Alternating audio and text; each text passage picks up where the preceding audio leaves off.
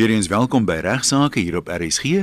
Ek is Ian Wessels. Ignas Kleinsmid antwoord luisteraars se vrae namens die Prokureursorde van Suid-Afrika. Môre Ignas. Môre Ian, môre luisteraars. Uh, ek gaan weer vandag probeer my bes probeer om u so resgeleerd as moontlik te maak en ek hoop daar's 'n paar dinge wat jy interessant gaan vind. Ons gaan bietjie praat sien ek vinnig hierso oor die registrasie van eiendomsagente. Ons gaan bietjie praat oor padwoede, noodweer en wat hoe werk dit? Ek gaan so 'n bietjie vir goeie advies gee vir vrouens wat bang is dat hulle nie by hulle mans gaan erf nie. Wat kan hulle doen om te te, te probeer verseker? Ag, en 'n hele paar dinge so bly ingeskakel. Dit gaan hopelik vir julle interessant wees. Net hierdie mense te slim maak nie, né? Ja, kyk, ek tree op namens die prokureur, so ek het hulle net genoeg sê dat hulle nog ons kantore toe kom om te hoor. ek kry 'n briefie hierso, sy sê sy wil anoniem bly sê sê eers hoe pyk ons regtig is met die program. Ons mm. het baie ander luisteraars sê en ons sê baie dankie daarvoor. Dit is elke keer lekker om te hoor. Sy sê wat kan ek doen om te verseker dat ons kinders ons huis my man eendag gaan erf en nie 'n tweede vrou nie. Baie vraag wat vir baie baie vrouens nogal belangrik is. My vriendin is oorlede. Toe trou haar man en hy gaan dood en die tweede vrou erf toe die huis en sy ignoreer sy kinders. Hulle het blykbaar lyk af ook nie 'n goeie verhouding nie. Die huis is in my man se naam, dis nou haar eie situasie. Ons is buite gemeenskap van goed getroud. My man het 'n simpele handtekening. uh sorry. Wat wat enige een moontlik kan namaak. Okay. Sy sê wat enige aap kan namaak, skus. Ek weet nie wat, wat sy dink iemand kan nou dalk nou vervals die testament ja. of iets nie, dis iets anderste, maar sy sê ek is erg omgeklits oor my oorlede vriendin se kinders se verlies. Nou luisteraars, ek het soos gewoonlik maar as iets met die boedels te doen het, het vervolker Kreer daarby van Vel en Duffy gevra om my te help en hy sê daar's 3 opsies wat hierdie luisteraar kan oorweeg. Die eerste twee opsies sal verseker dat die huis by die kinders uitkom. Eh uh, daardie opsies het egter aansienlike kostes en ook belastingimplikasies, is ook ander nadele. Met die derde opsie is dit minder seker dat die huis by die kinders gaan uitkom. Uh want die koste en belastingkomplikasies is heelwat ligter en minder. Nou die eerste opsie sê hy sou die luisteraar dan aan man dan 'n trust kon stig en dan die huis dan oordra na die trust? Met die twee van hulle as ook die kinders as begunstigdes van die trust wanneer een van die luisteraar of man dan te sterwe kom dan vorm die huis nie deel van die bestorwe boedel nie. Uh en gaan dit outomaties dan uiteindelik by die kinders uitkom.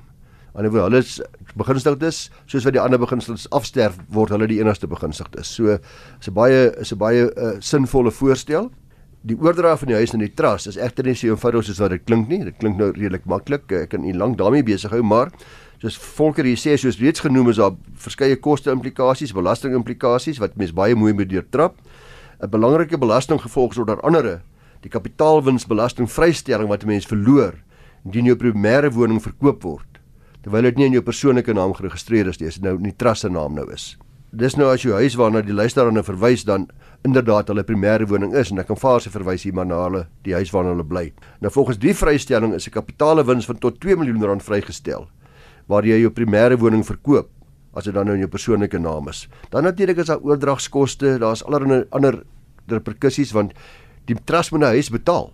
Dit gaan nou wel uit jou boedel uit wat belastingvoordele gee wat boedelbelasting betref, maar jy het 'n eis teen die trust. So in die feite koop die trust die huis by jou. Hy, hy word ook hy word gekoop deur die trust, dis reg ja. Nou tweedens sê volker die tweede opsie is dat die huis nou al aan die kinders oorgedra word. Onderhewig aan 'n lewenslange vruggebruik te gunste van die luisteraar en haar man. Die vruggebruik sal outomaties verval met die afsterwe van die luisteraar en haar man, as hulle kinders aan outomatiese eienaars van die huis wees na die laaste vruggebruiker dan nou te sterwe gekom het. Uh maar weer eens die koste en belasting implikasies van hierdie stap is bietjie minder as die trust opsie, maar tog ook beduidend. Mense sal ook hier baie mooi moet beplan. Die grootste nadeel sê Volker van hierdie moontlikheid is dat die beheer wat die luisteraar na haar man tot 'n groot mate oor die huis het nou verlore gaan. Eh dit nou reeds aan die kinders oor te dra. Ek het al met menige hartseer verhale sê het te doen gehad waar die kinders te vroeg geërf het geërf van aanhalingstekens uh die ouers dan later finansiële probleme ondervind. So sê net maar hierdie huis moet later verkoop word om allerlei ander skulde te delg uh, en by die kinders se deure dan moet aanklop wat dan hulle ouers dalk nie so goed behandel soos wat die ouers verwag het hulle sal nie. Uh, kom ons sê die skoonkinders by en so voort ja. dikwels. Kom ons sê die kinders is nou 10 jaar oud. Ja. Hoe impak dit op hierdie hele prosedure? Ek meen nee. hulle kan nou nie regtens handel op hulle eie nie. Kan hulle eienaars in aanhalingstekens van 'n vruggebruik raak of van die huis. Ja, onthou die ma en die pa het nou vruggebruik. Die kinders kan eienaars word. Ja, hulle kan dit word in hulle name geregistreer. Dit is hulle hoe klein. Maar moet hulle bygestaan word deur 'n Ja, hulle word bygestaan deur dieselfde ma en ja. pa wat die wat die vruggebruik wat die kry. vruggebruik kry. Onthou nou, uh, jy kan niks doen namens jou kinders. Jy kan nie namens hulle teken tot hulle nadeel nie, maar hier is duidelik tot hulle voordeel. So daar's geen probleem om dit te doen nie. Uh, onthou ook dat as die kinders voor die ouers te sterwe kom of insolvent verklaar word of skei of sulke dinge, is dit ook natuurlik dinge wat alles ernstige nadele kan veroorsaak. Nuwe kopsere. Dan sê Volker die derde en laaste opsie vir die luisteraar sou wees om na 'n ernstige en 'n baie lang gesprek met 'n man te aanvaar en hom te vertrou dat hy ook net so sy oor hulle kinders voel en hy sal sorg as hy die langlewende sou wees dat die huis by die kinders sou uitkom. Die meeste gades in sy ondervinding en ook definitief in my ondervinding is bereid om daardie kans maar te vat. Dis deel van die lewe. Jy's getroud, dis ons twee se kinders, ons is albei vir hulle ewe lief. Baie keer is dit my verstaan om te dink dat party mense dink die ander gade is liewer of minder lief vir die kinders omdat hy 'n ander soort van persoonlikheid het of wat ook nogal. Maar ewe lief vir die kinders en om aan daardie kans te vat dat die langslewende gade ook net soos jy voel oor die versorging van die kinders na dood. Waar die kinders uit 'n vorige huwelik het, is dit natuurlik bietjie van 'n ander saak. Daar raak dit se bietjie moeiliker. So Volker sê as ek die luisteraar was, sou ek die derde benadering volg. Al is daar 'n risiko dat die nuwe vrou as daar een sou wees, want ons weet nie wat gaan gebeur in die toekoms nie. Sy voorsien nou die moontlikheid vir 'n nuwe vrou na haar afsterwe, dat daardie vrou daar kan inmeng, maar daardie onder daardie risiko is eintlik redelik klein. Uh die meeste mense wat 'n tweede huwelik aangaan, uh, onterf nie hulle kinders nie. Veral nie dit met dit wat hulle bates opgebou het gedurende die eerste huwelik nie. Uh so Volker sê hy dink die kostes implikasies en die belasting implikasies en die ander nadele van die eerste twee opsies wat hom betref swaarder weeg as die betrektelike klein risiko van die derde opsie maar net wederwysige vertroue te hê. Maar nou weer eens as die vertrouensverhouding regtig verbrokkel het en dis waarskynlik met hierdie luisteraar is dit dalk die geval. Sy het haar vriendin het dit mee gebeur en sy is bekommerd omdat sy haar man al reeds nie vertrou nie. Daar sal seker reeds aanduidings van probleme en die partye is welvarend genoeg. Net wel omdat as mens welvarend genoeg is word hierdie eerste twee opsies redelik maklik. Veral die eerste ene om 'n trust te skep dit oor te plaas in 'n in 'n trust. Dalk is daar al reeds 'n bestaande trust by die welvarende mense vir die kinders geskep. Dan is dit alreeds baie makliker. Uh, dan moet mens maar daarna kyk en of as jy nou wil seker hê jy het regsekerheid, dan is ook gemoedsrus. Is die eerste opsie waarskynlik uh, die antwoord. Ek wil tog net 'n lansie breek want ek dink baie mense wat nou luister is dalk die tweede vrou Ja. of potensieel die tweede vrou. Ja. Om een of ander rede het mense altyd dit in hulle koppe dat dit is nou iemand wat net geld najag, wat gewetenloos is en so aan. Ek weet van 'n hele paar gevalle waar die tweede vrou die die werklike ware liefde van die man was, waar hulle lang jare saam was. Hy's byvoorbeeld kom ons sê siek teen die einde van sy lewe. Sy versorg hom, maar steeds voel die eerste klomp sy mag niks erf nie, sy behoort niks te erf nie. Natuurlik kan daar ook omstandighede wees waar sy inderdaad die huis meer verdien as die kinders. Ek stem 100% met jou saam. Die die lengte van die huwelik uh, gaan 'n baie groot rol speel. Uh en dit is sonder twyfel so dat baie tweede vrouens aanvaar daardie kinders absoluut as hulle eie met groot liefde en groot versorging en sal seker maak dat die pa behoorlik vir die kinders sorg uit die eerste huwelik, die sogenaamde stiefkinders. So dis uh, dis wat Volker ook sê, dis 'n uitsondering waar jy die heks kry Ja. wat net geld najag, die wat die, die tweede wat die tweede vrou is. In 'n stukkie praktiese raad, jy weet as die verhouding begin met die tweede vrou, sê sy me vroeg vir haar, "Bokkie, jy gaan ongelukkig nie die huis kry nie, die huis gaan na die kinders toe." Dit mag dalk eh, die tweede verhouding 'n vroeë dood laat sterf as dit nou wel 'n fortuinsoeker is. Ja. Ian, ons het onlangs die testamente week gehad waar mense gratis testamente kon opstel. Daai ons firma was daar geweldig baie testamente opgestel en so ook by baie ander firmas. Ek het toe 'n skrywe ontvang uh, daar op ons webwerf uh, wat gesê het ek het op RSG gehoor hoe Ignas Kleins met raad en antwoorde gee, maar ons gesin is bekommerd omdat ons al 6 keer ons testament verander het. Elke keer by banke wanneer nie die regte antwoorde of genoeg inligting kry hoe ons die testament moet doen nie. Dan sê sy sy soek raad veral nadat sy uitgevind het oor boedelbelastingprobleme en al sulke dinge. En uh ons het daartoe maar verwys na na na ons webwerf toe by van Velden Duffy wat maar net VVD is. En ek wil maar net weer keer sê baie mense het hierdie keer Dis die eerste keer dat ek dit ervaar het, het aanlyn hulle testamente laat wysig of nuwe testamente laat opstel. Baie voor vind my uit by die eie prokureur, baie prokureursfirmas en ook daar by Van Velden Duffy het 'n aanlyn diens. U gaan soontoe, daar's behoorlike testament instruksievel wat u voltooi en dis nou dit spaar geweldig baie koste ook want jy nou nie 'n afspraak te maak met die prokureur nie. As 'n klomp vra, ek het dit nou hier voor my wat ek soms aangebring het, maar ek gaan nou nie alles herhaal nie. Wat u sê wie moet erf, wat is erf, hoe lyk jy binne buite gemeenskap ensovoorts. Ag dit gaan net 'n paar minute vat om dit behoorlik te voltooi en en dan sal u prokureur daar aanleiding van daardie instruksievel in staat wees om vir u testament op te stel. So gebruik dit gerus wanneer u dit wil doen. Uh dis regtig deur en deur die moeite werd en dit werk baie baie goed. Dis mense nou nie ingewikkelde boedelbelastingprobleme ensovoorts het nie. Ek wou dit maar net noem slaggie. Dan uh ek sê ons gaan 'n bietjie praat oor die registrasie van eiendomsagente. Dit bly maar 'n feit dat sekere professies baie swak reputasies opgebou het oor jare heen en oor dekades heen of selfs oor eeue heen. Een of twee oneerlike kollegas is gewoonlik daarvoor 'n klein een vrot appel in die kas is gewoonlik daarvoor verantwoordelik. Ja, in Amerika praat hulle altyd in die ouer literatuur van 'n snake oil salesman. Wat jy's nou deesdae seker nie meer baie kry nie. Maar dit gaan maar ook ons het almal om 'n vuur gestaan en na grappig luister oor skelm prokureurs en skelm eiendomsagente en tweedehandse boterhandelaars en wat die kilos terugdraai en al die soort van goeders. Gelukkig is daar maniere luisteraars om seker te maak wanneer dat wanneer jy met 'n eiendomsagent besigheid doen dat jy met 'n behoorlike geregistreerde eiendomsagent besigheid doen. Want die wet op eiendomsagentskapsaangeleenthede is 'n wet van 1976 vereis dat eiendomsagente by die Raad vir Eiendomsagentsaangeleenthede geregistreer moet wees. Geregistreerde agent ontvang dan 'n getrouheidsfonds sertifikaat.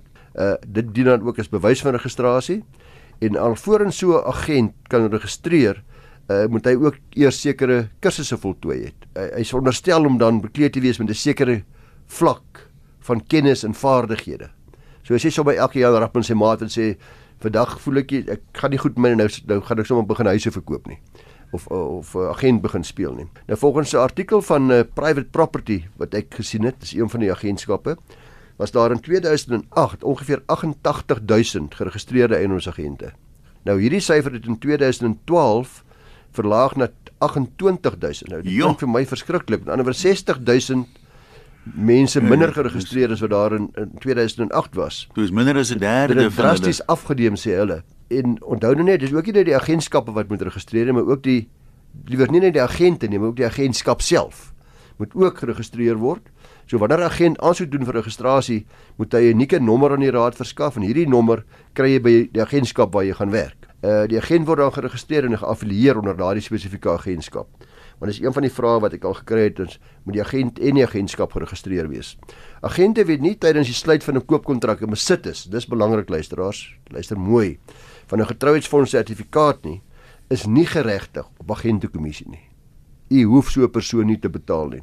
Wanneer 'n verkoper dus weier om agentse kommissie te betaal en die agente eis wil instel, sal hy moet bewys dat hy ten tye van die kontraksluiting in besit was van 'n geldige getrouheidsfonds sertifikaat kan natuurlik gebeur dat die eiendomsagent betyds aansoek gedoen het vir hierdie sertifikaat, maar dat die uitreiking daarvan deur die raad vertraag word.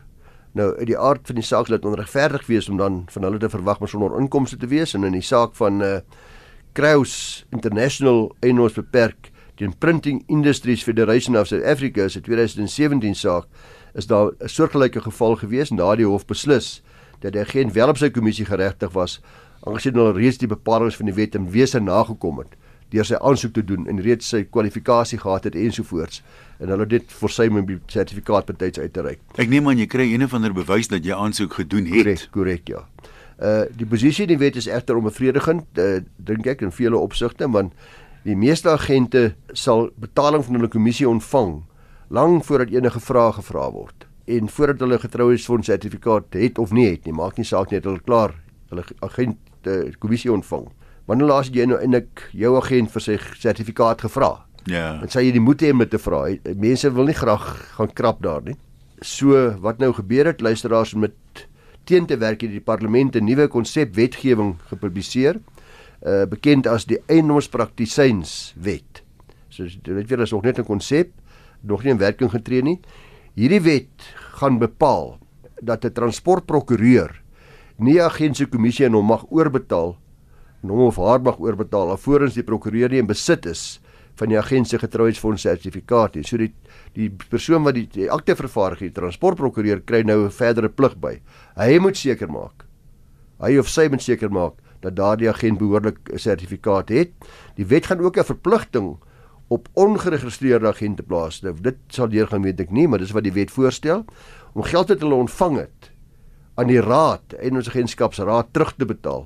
Anderswoorde as hulle gewerk het sonder dat hulle geregistreer is en jy kan dit bewys, dan moet hulle al die geld terugbetaal en die relevante verkoper of verhuurder het dan tot 3 jaar tyd om die geld by die raad dan te kry. Anderswoorde Ek was die verkoper, ek het vir jou R10000 betaal, jy was nie geregistreer nie.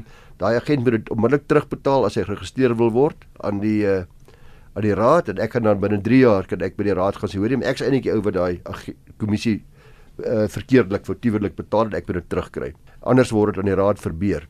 Nou hierdie wet uh, behoort die wêreld van eiendomsagente en eiendomstransaksies drasties te verander. En ek dink dit is dan maar die slim manier is eintlik maar vir agente om altyd beseker te maak dat hulle registrasie in orde is voordat hulle enige werk doen.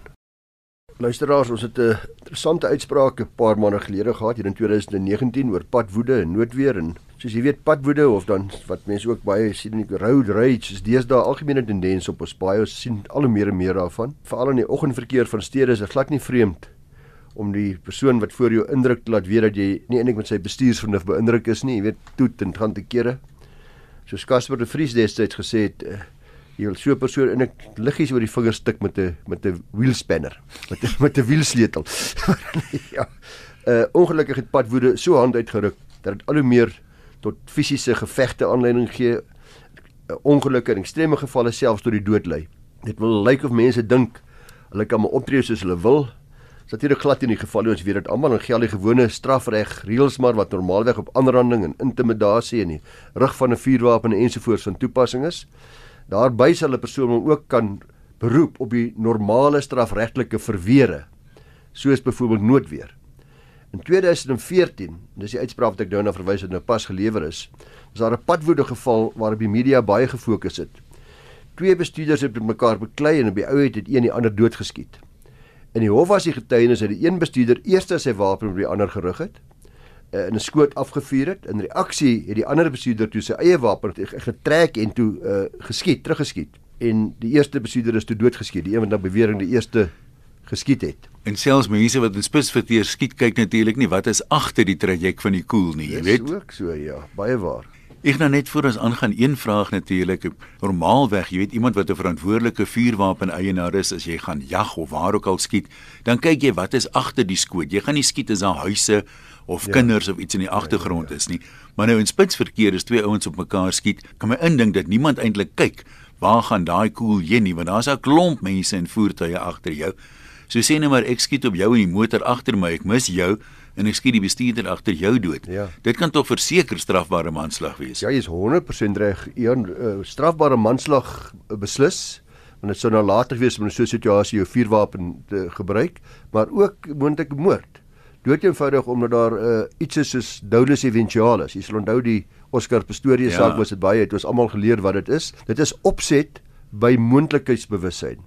Anderswoorde ek 'n redelike man sou die moontlikheid voorsien het dat as ek hier in die verkeer of hier op 'n besige sypaadjie straat of hier waar die bende geweld plaasvind daar is oral mense om jou daar is skoot afvuur dat ek moontlik iemand anders 'n uh, onskuldige slagoffer in die spervuur kan beland. Ek lees gereeld in die nuus van ja. iemand wat sterf met 'n uh, aan die hand van 'n dwaalkoel noem ja. dit. Nou jy sien die dwaalkoel wat as jy byvoorbeeld in die lug opskiet nie na die ja. hemel toe dan is die kans dat dit strafbare manslag gaan wees redelik skraal want want jy tref nou iemand wat daar 'n kilometer ver weg staan iewers uh, in die veld staan op 'n koppie wat ook nog al dit mag wees. Nou die vraag is sou ek en jy dit voorsien het as ons dit gedoen ons skiet gereeld uh, skote in die lug af sommer nou net of dit nou vir die snaaksigheid is of uh, Guy Fox is of nou, wanneer ons na 'n bok toe skiet wat ons mag doen in die veld en ek weet daar's nie ander mense nie dan skielik is daar iemand anders 'n kilometer vandaan wat getref word.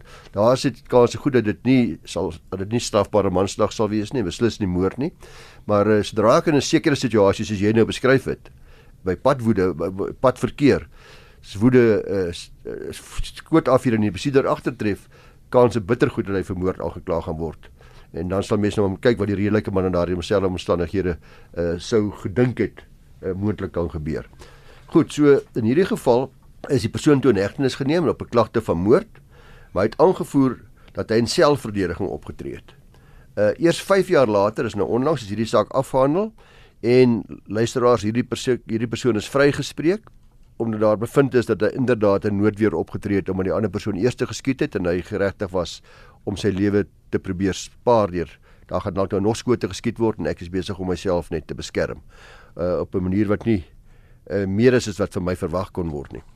Uh daarbey hierdie saak beteken natuurlik nou net jy dat elke bestuurder kan maak soos hy wil nie en skiet nie en dat hy altyd in selfverdediging sal kan optree nie. Inteendeel is 'n baie duidelike waarskuwing dat padwoede baie ernstige gevolge het. Dis is ook nie maklik om suksesvol op selfverdediging noodweer te steun nie.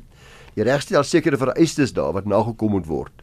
Persoon sal moet kan bewys dat hy die aanvalshandeling waarteen hy homself moes beskerm, dat dit wederregtelik was. Goed? Soos iemand skiet na my toe, wys 'n ruggevuurwapen na my toe.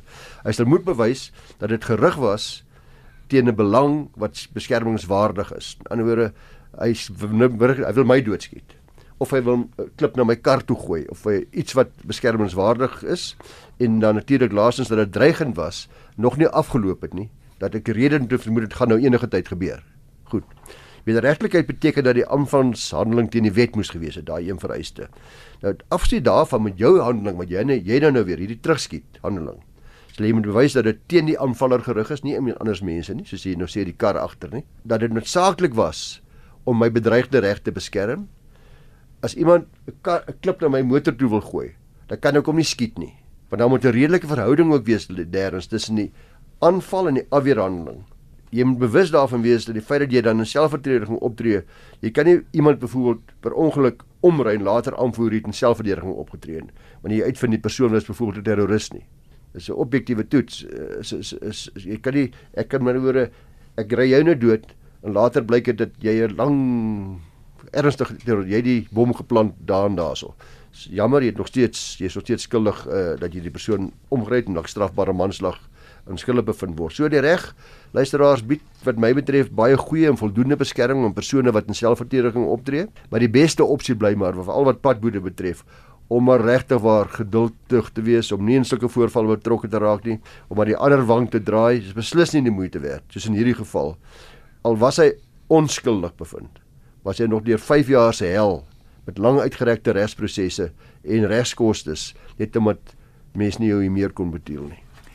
Baie waar wat jy daar sê en ek dink hierdie ding van padwoede hou maar verband Almal ervaar groter frustrasies. Mense is gefrustreerd met alles wat in die land aangaan, misdaad, korrupsie en al hierdie tipe van dinge. So jou lont is korter as gewoonlik en mense is meer geneig om te ooreageer en dinge te doen. Ja. En dan hoor jy altyd agterna verskonings van dis nie wie ek is nie. Ek is eintlik 'n kerkmens. Miskien moet 'n ou dan twee keer dink en probeer jou gedra soos 'n kerkmens. Jy weet tel ja. tot 10 voor jy nou uitklim en ja, moeilikheid soek en wat kan jy nou eintlik bereik? Die ou het nou voor jou ingedraai, dis verby. Jy kan hom nou 'n paar dinge toewens. Ja. Uh dit mag jou tydelik beter laat voel, maar hy ken ook groot woorde wat hy vir nee. net jou kan toe kan gooi. Ja ja, hy kan ook so sy dit, vingers op sekere maniere wys. Dis een van die dinge wat dit het eintlik nie potensieel 'n goeie einde nie. Dis baie selde dat twee ouens eindig met bladskit en sê, "Dankie ouma, ek besef nou ek was onbedagsaam." Dit het ek nog nie van gehoor nie. En die ander interessante ding dat die dierbaarste sagge aardse mense verander in monsters as hy agter 'n motor se stuur wil inklim heeltemal 'n nuwe persoonlikheidsverandering wat mense sekere mense ondergaan. En dan is dit vloek en skelde raas en beklei en die kinders en al en die vrouens huil gaan te kere en dit is net is jy, jy weet ons het nou so nodig. 'n paar weke gelede gepraat oor die doodstraf as afskrikmiddel. Ek meen vir iemand doodskiet op hierdie stadium langtermyn tronkstraf is die aangewese straf en min mense wil vir 20 jaar tronk toe gaan. Tog op daai stadium neem jou emosies oor. Niemand sê hoorie versigtig nou met jou sneller vinger want ja. jy kan 20 jaar tronk toe gaan as jy nou hier iets nie. Niemand dink daaraan nie. Precies. Net soos ek dink en baie keer al bring jy die doodstraf terug in daai oomblik. Dink die persoon nie helder nie. Niemand gaan sê, "Wo nou, wo nou, wo nou." Hulle gaan jou hang as jy hierdie ou skiet nie. Ja, jy skiet eers en dan begin wonder jy oor die oor die ander goed. Dis so ja. Ek nou ek dink nie ons gaan tyd hê vir veel meer nie. Ek dink dit gee ons net genoeg tyd om miskien te sê dat jy is baie welkom om jou vrae te stuur vir beantwoording op regsaake. Onthou net dat ek nou nie kan toetree as jou prokureur nie. Ons gebruik jou vrae om ander mense te bemagtig, so jy stuur daai vrae direk vir hom Igna by ffd.co.za.